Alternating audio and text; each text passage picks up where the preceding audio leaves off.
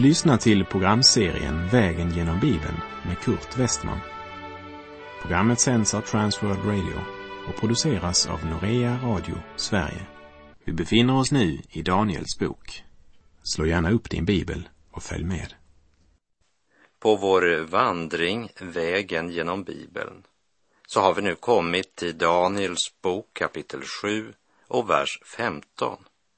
Det vill säga till det avsnitt där Daniel frågar Herren vad hans syner betyder och Herren besvarar hans fråga. Vi läser Daniel 7, verserna 15 och 16. Då kände jag, Daniel, att min ande blev orolig i mig och den syn jag hade haft skrämde mig. Jag gick fram till en av dem som stod där och bad honom om en tillförlitlig förklaring på allt detta. Och han gav mig denna uttydning. Liksom Nebukadnessars dröm hade gjort honom orolig, så blev också Daniel orolig. Därför vänder Daniel sig till en av dessa himmelska väsen för att få en tillförlitlig förklaring. Han hänger sig alltså inte åt spekulationer utan erkänner sitt beroende att få detta uppenbarat av Gud. Och han får i vers 17 svaret att de fyra stora djuren betyder att fyra kungar skall uppstå på jorden.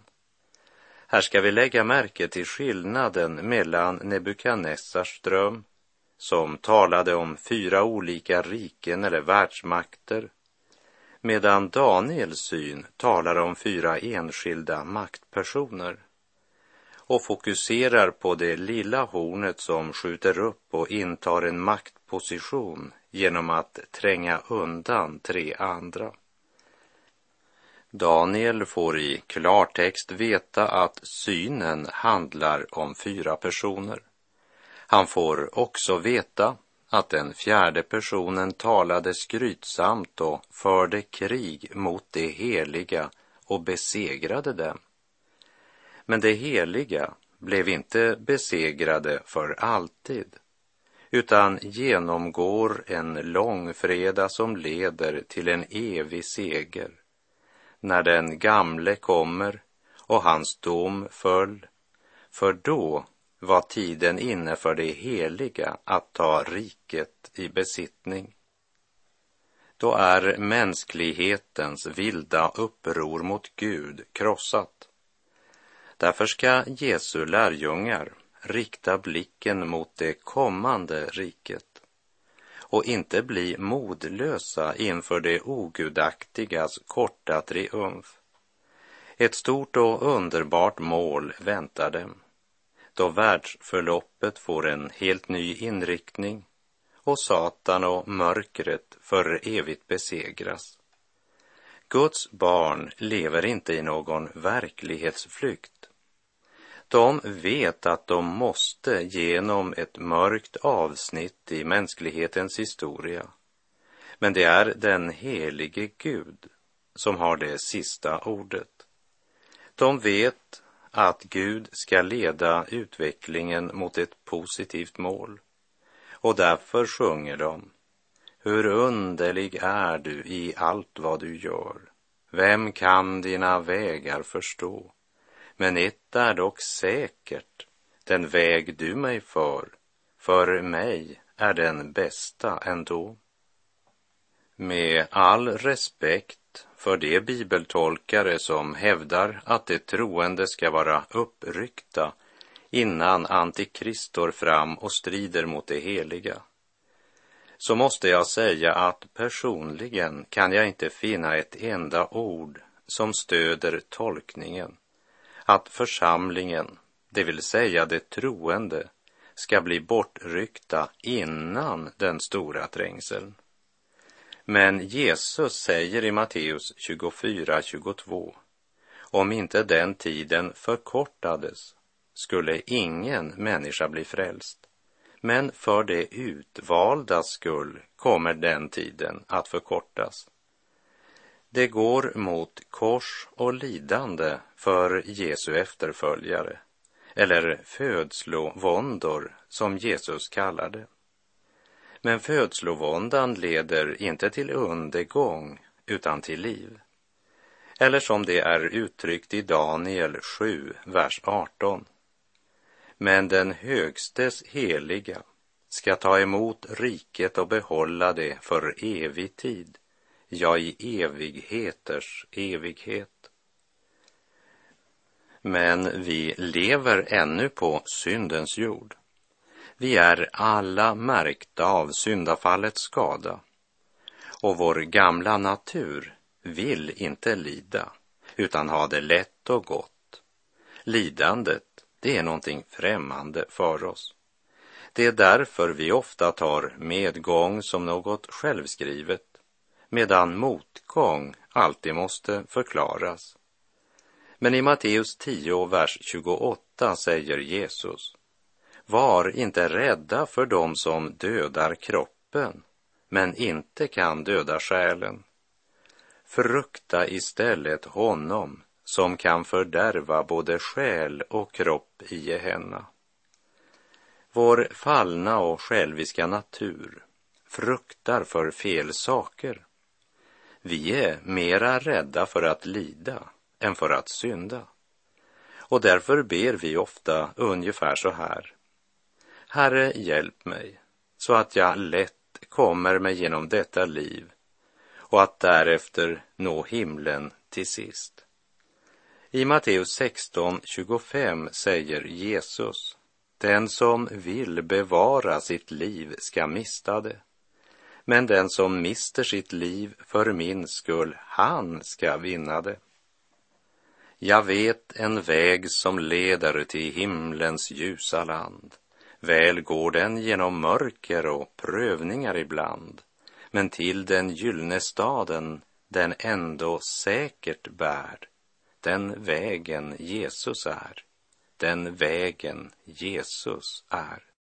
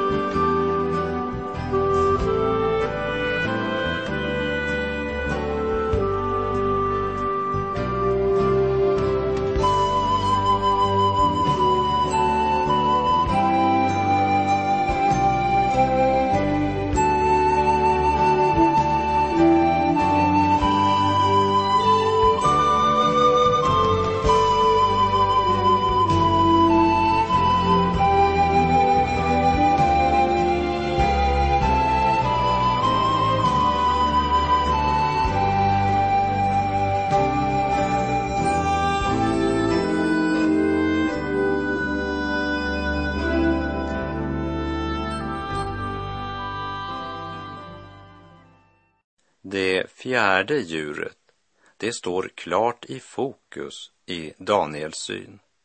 Och eftersom Gud sätter sitt fokus där gör också Daniel det. Detsamma borde vi göra. Daniel kapitel 7, verserna 19 till och med 20. Därefter ville jag ha tillförlitlig förklaring till det fjärde djuret som var olikt alla de andra, det som var så förskräckligt och hade tänder av järn och klor av koppar och som uppslukade och krossade och sedan trampade det som återstod under fötterna. Likaså ville jag ha förklaring till de tio hornen på dess huvud och till det nya hornet som sköt upp senare och för vilket de tre andra horn föll av och som hade ögon och en mun som talade skrytsamt och såg större ut än de övriga. Det talar om makt och om oerhörd brutalitet. Ändetiden kommer att kännetecknas av en till synes obetydlig person som efterhand växer upp till en betydelsefull position med en dominant personlighet, med stor handlingskraft och imponerande förmåga. Genom raffinerad propaganda i massmedia och sin personliga charm och utstrålning så imponeras massorna. Och med de enorma möjligheter som bland annat internet erbjuder kan propagandan spridas över hela jorden på ett ögonblick. Det lilla hornet är antikrist eller laglöshetens människa. Fördärvets son, som han kallas i Andra Thessalonikerbrevets andra kapitel. Han som förhäver sig över allt som kallas Gud eller heligt, så att han sätter sig i Guds tempel och säger sig vara Gud. Vi läser Daniel kapitel 7, vers 21. Det hornet hade jag också sett föra krig mot det heliga och besegra dem. Vi bör vara klar över att Rom än en gång kommer att bli en maktfaktor i världen. Uppenbarelseboken 13.7 säger och åt vilddjuret gavs makt att strida mot det heliga och besegra dem och det fick makt över alla stammar och folk, språk och folkslag. Hornet i Daniels syn skulle föra krig mot det heliga och besegra dem. Det vill säga, det kommer en tid då det kan innebära martyrium att leva gudfruktigt. Har då Gud inte något att ställa upp med mot denna väldiga makt som det fjärde djuret representerar och den person som hornet uppenbart siktar till? Här går mina tankar till det Jesus sa till Pilatus i Johannes 18, vers 36. Mitt rike är inte av den här världen. Om mitt rike vore av den här världen hade mina tjänare kämpat för att jag inte skulle bli överlämnad åt judarna. Men nu är mitt rike inte av den här världen. Denna värld, den är helt främmande för honom som segrar genom att lida döden på korset. Översteprästerna, fariseerna och folket besegrade Jesus, trodde de. För de såg bara ögonblicket och var okänd med den eviges frälsningsplan. Jesus sa ju också i Johannes 15, vers 20 att har det förföljt mig skall det också förfölja er. Aposteln Paulus, han visste att den kristna symbolen, det var inte en hängmatta utan ett kors. Därför skrev han också till de troende i Korint i Andra Korinterbrevets tolfte kapitel, vers 10. Så gläder jag mig över svaghet, misshandel och nöd, över förföljelser och ångest, eftersom det sker för Kristus. Ty när jag är svag, då är jag stark. Och när det i Daniels syn blir sagt att hornet besegrade det heliga, så betyder det egentligen seger, även om segertåget går genom dödsskuggans dal. I Daniel 7, vers 21 och 22 läste vi.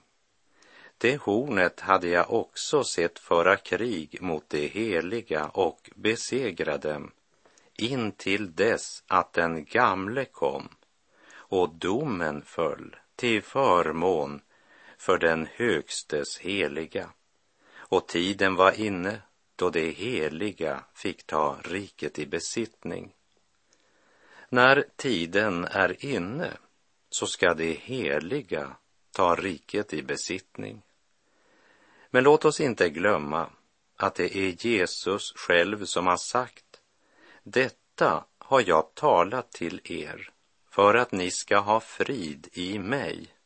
I världen får ni lida, men var vid gott mod. Jag har övervunnit världen. Som det står i Johannes 16, vers 33. Men innan det heliga tar riket i besittning så måste Lammets brud, Guds församling, genom en mörk och svår tid. Det heliga, det är inte en bestämd församling eller ett kyrkosamfund, utan det talar om var och en som tillhör Herren Jesus. Så inbilla dig inte att din lilla grupp är de enda som genom Guds nåd blir frälsta till evigt liv och salighet. Det heliga, det är alla som renats i Lammets blod. Uppenbarelseboken 12, vers 11 säger Det övervann honom genom Lammets blod och genom sitt vittnesbördsord. Det älskade inte sitt liv så högt att det drog sig undan döden. Och är det väl inte en underlig strid jag strider som kristen i stormarnas tid? Ofta så går det rätt underligt till Ja, ofta det händer det jag inte vill När känslor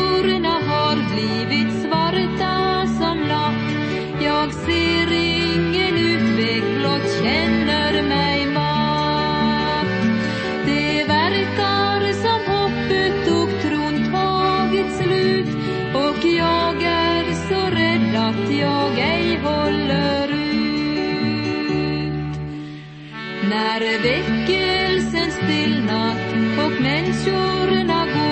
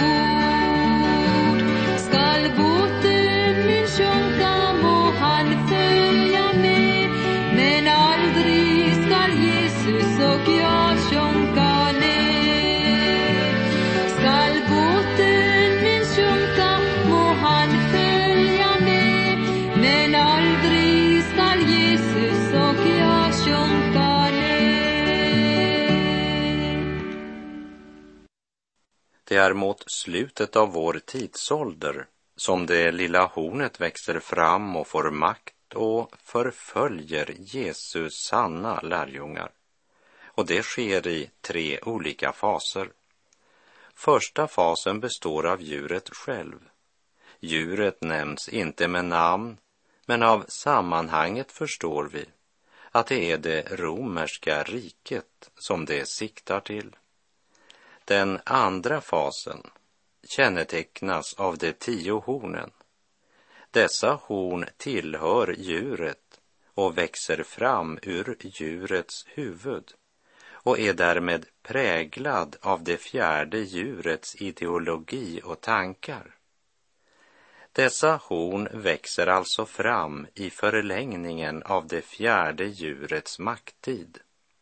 Det kan sträcka sig över en längre tidsperiod och jag tänker inte försöka spekulera över hur lång tid det handlar om eller göra någon kalender eller något schema utan bara säga att de tio hornen är präglade av djurets välde och bär med sig något av djurets väsen. Den tredje fasen av det fjärde djurets herradöme, det är den tid då det lilla hornet växer upp och tränger undan tre av de andra hornen. Och det kommer en tid då detta horn enväldigt har makten i den tid som präglas av det fjärde djuret.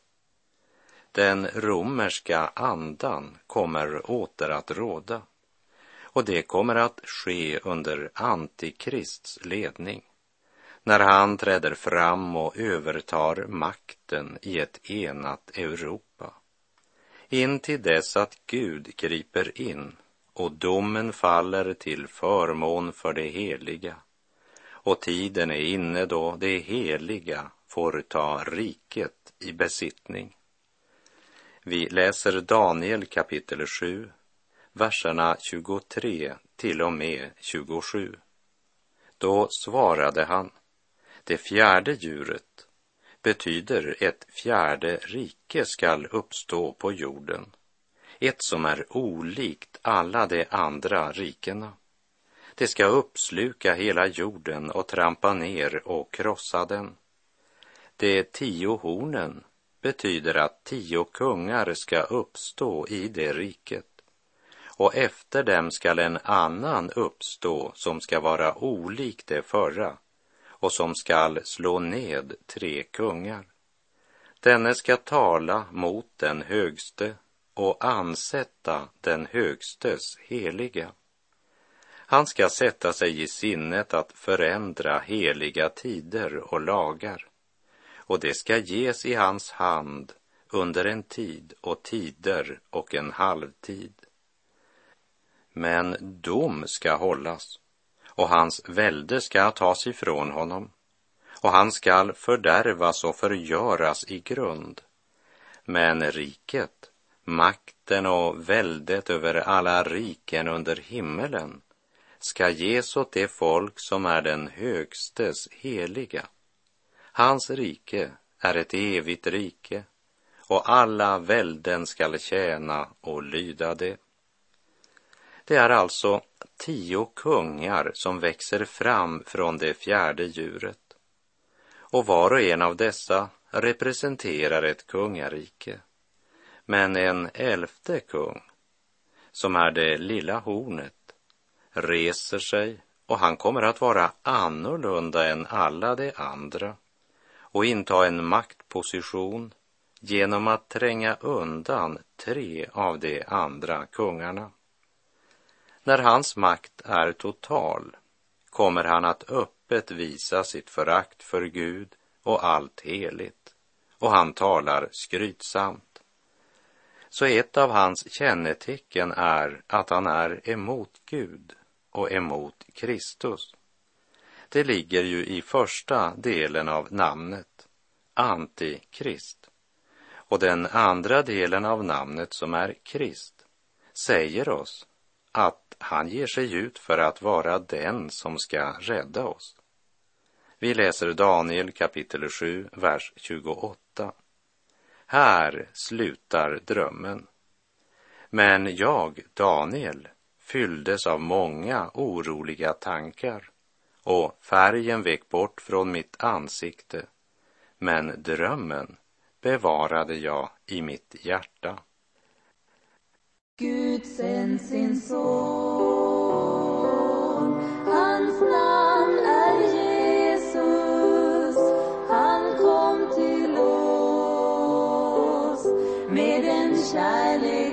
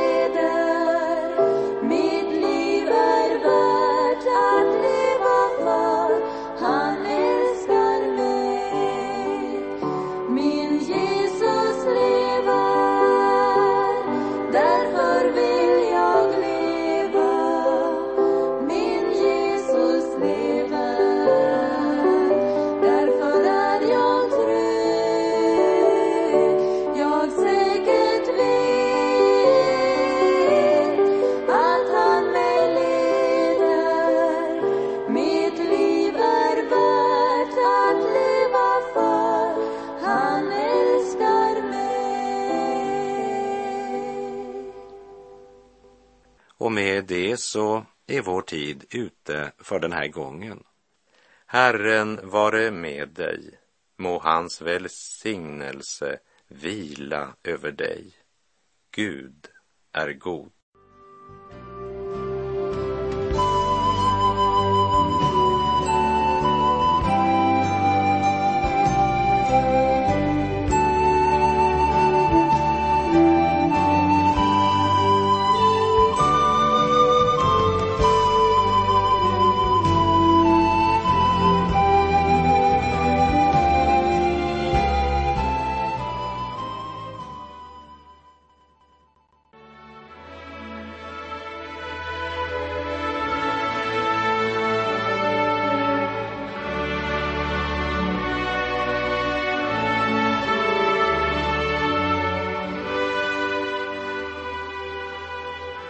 Du har lyssnat till programserien Vägen genom Bibeln med Kurt Westman som sänds av Transworld Radio.